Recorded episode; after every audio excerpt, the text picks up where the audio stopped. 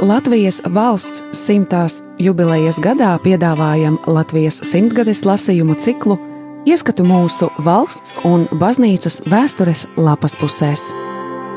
Julians Vaivots Septiņi mēneši Liepājas cietoksnī. No 1944. gada 9. oktobra līdz 1945. gada 9. maijam.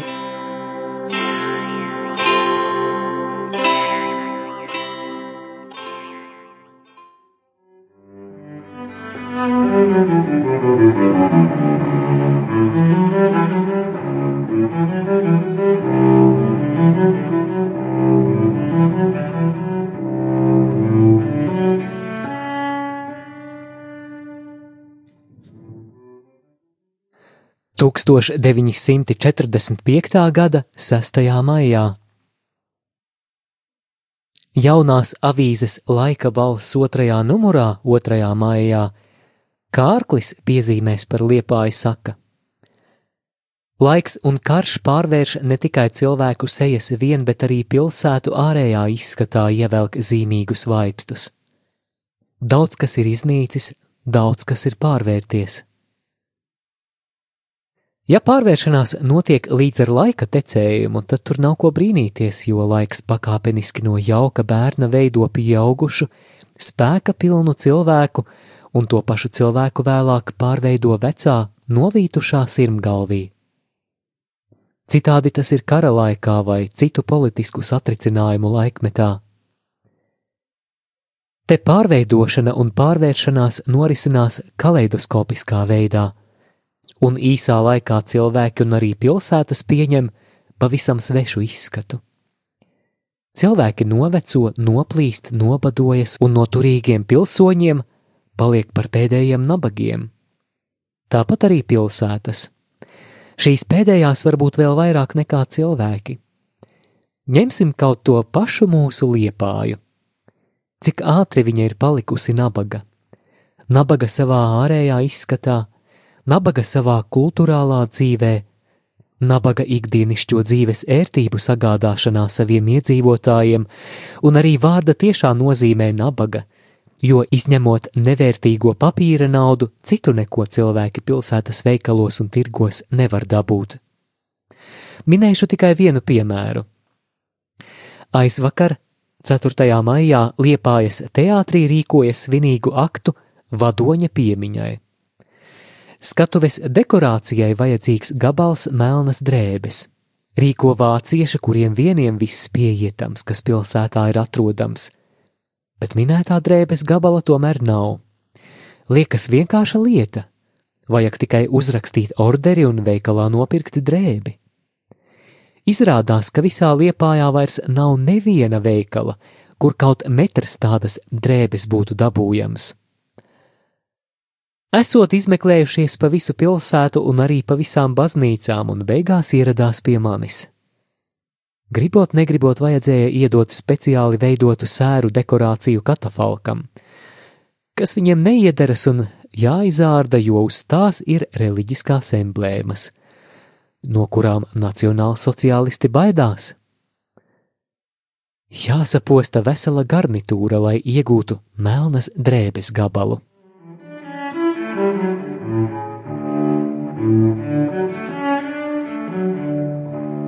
Lūk, tik nabaga ir palikusi liepāja. Kad savā laikā ienāca krievi, klēpiem pirka drēbes, vagoniem un vilcieniem veda uz bagāto padomiju.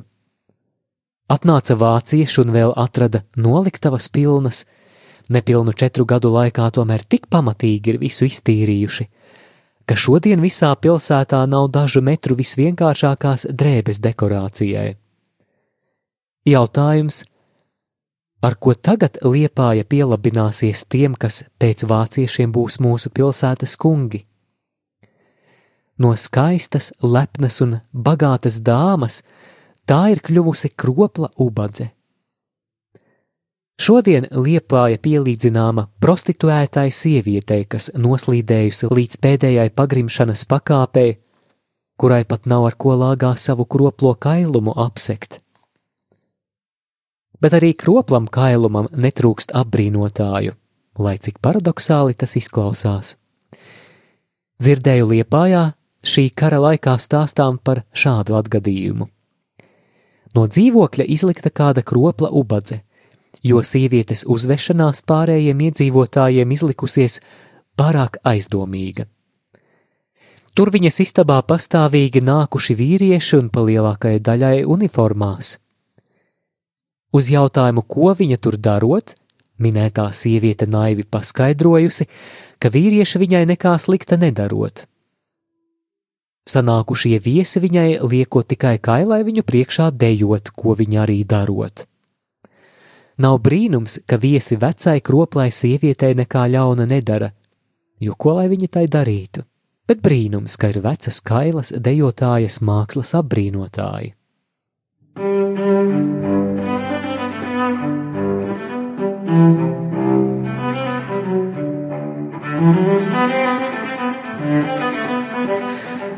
Kaut arī liepāja šodien liekas varētu darīt tikai to pašu, ko tā minētā ubadze, Apbrīnotāju viņai tomēr netrūkst.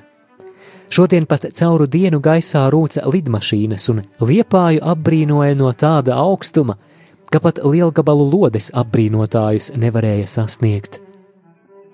Apbrīnotāju uzbāzība bija tik liela, ka vakarā liepājā pat trauksmi izsludināja, un zenīta artilērijas pļāva uguni uz visām pusēm. Thank you.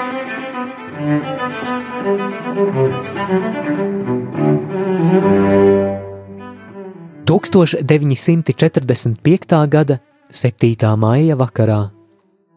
Politiskās ziņas pēdējās dienās kā viļņi veļas viena otrai pāri un viena par otru svarīgāka.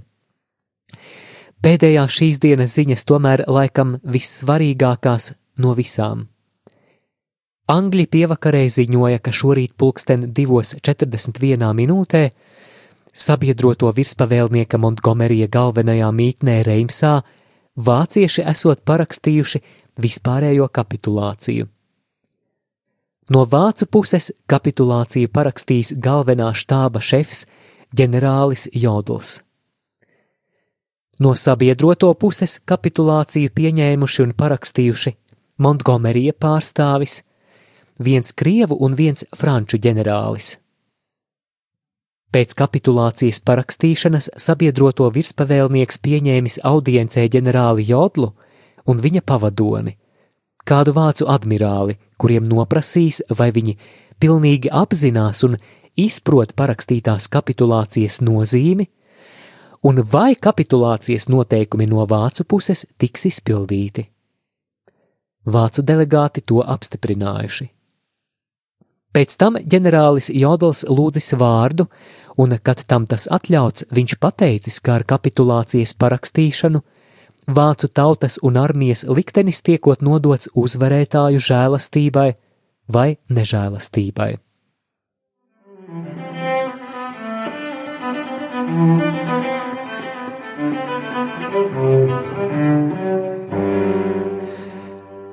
Par kapitulāciju par radio esot paziņojis vācu ārlietu ministrs Fonkrosiks. No Prāgas tomēr vācieši par radiofonu, kas vēl esot vācu rokās, vēlāk esot ziņojuši, ka pret krieviem karš vēl tikšot turpināts.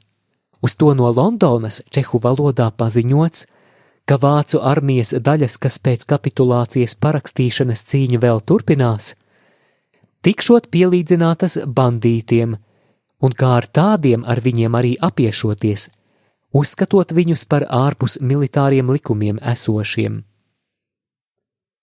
Šodien pēcpusdienā no Dānijas esot ziņots, ka vācieši arī Norvēģijā esot kapitulējuši, un vācu karaspēks maršējot Zviedru robežas virzienā, lai tur internētos. Jau iepriekšējā dienā lieladmirālis Dēnits esot devis pavēli vācu zemūdenēm cīņu izbeigt – un atgriezties savās bāzēs, jo vācieši tagad esot saspiesti tik šaurā telpā, ka cīņu turpināt nesot vairs iespējams.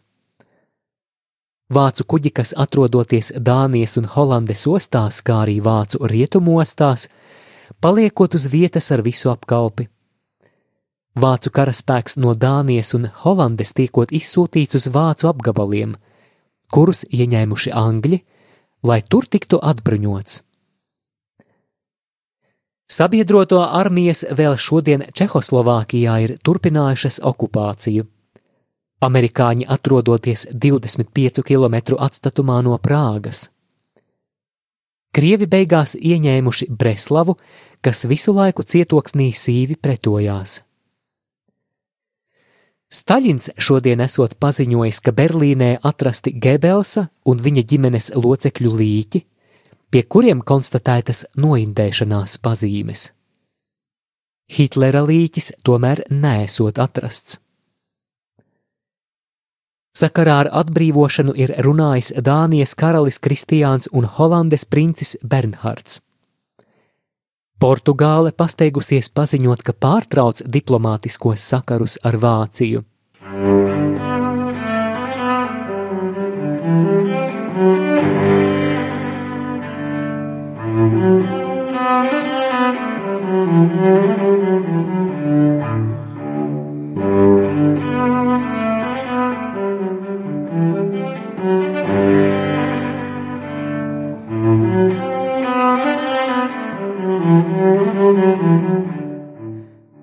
Angļi 8. un 9. maiju izsludinājuši par nacionāliem svētkiem, lai atzīmētu miera iestāšanos Eiropā.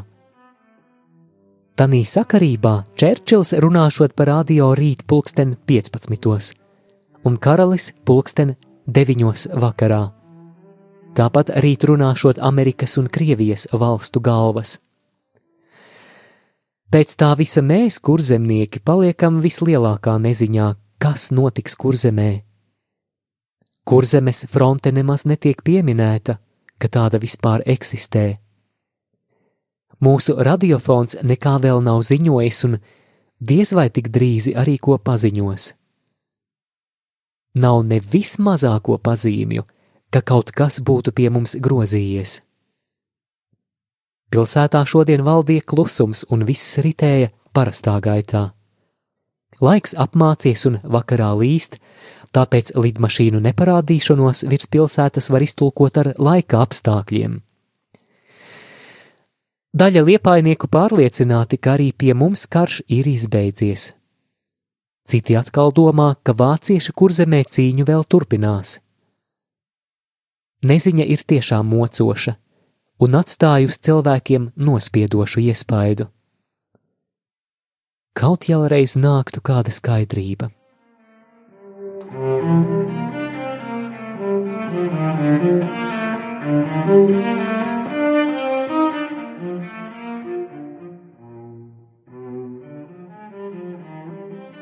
Nākamreiz šajā pašā laikā dzirdēsim Juliāna Vaivoda grāmatas septiņi mēneši liepājas cietoksnī noslēgumu.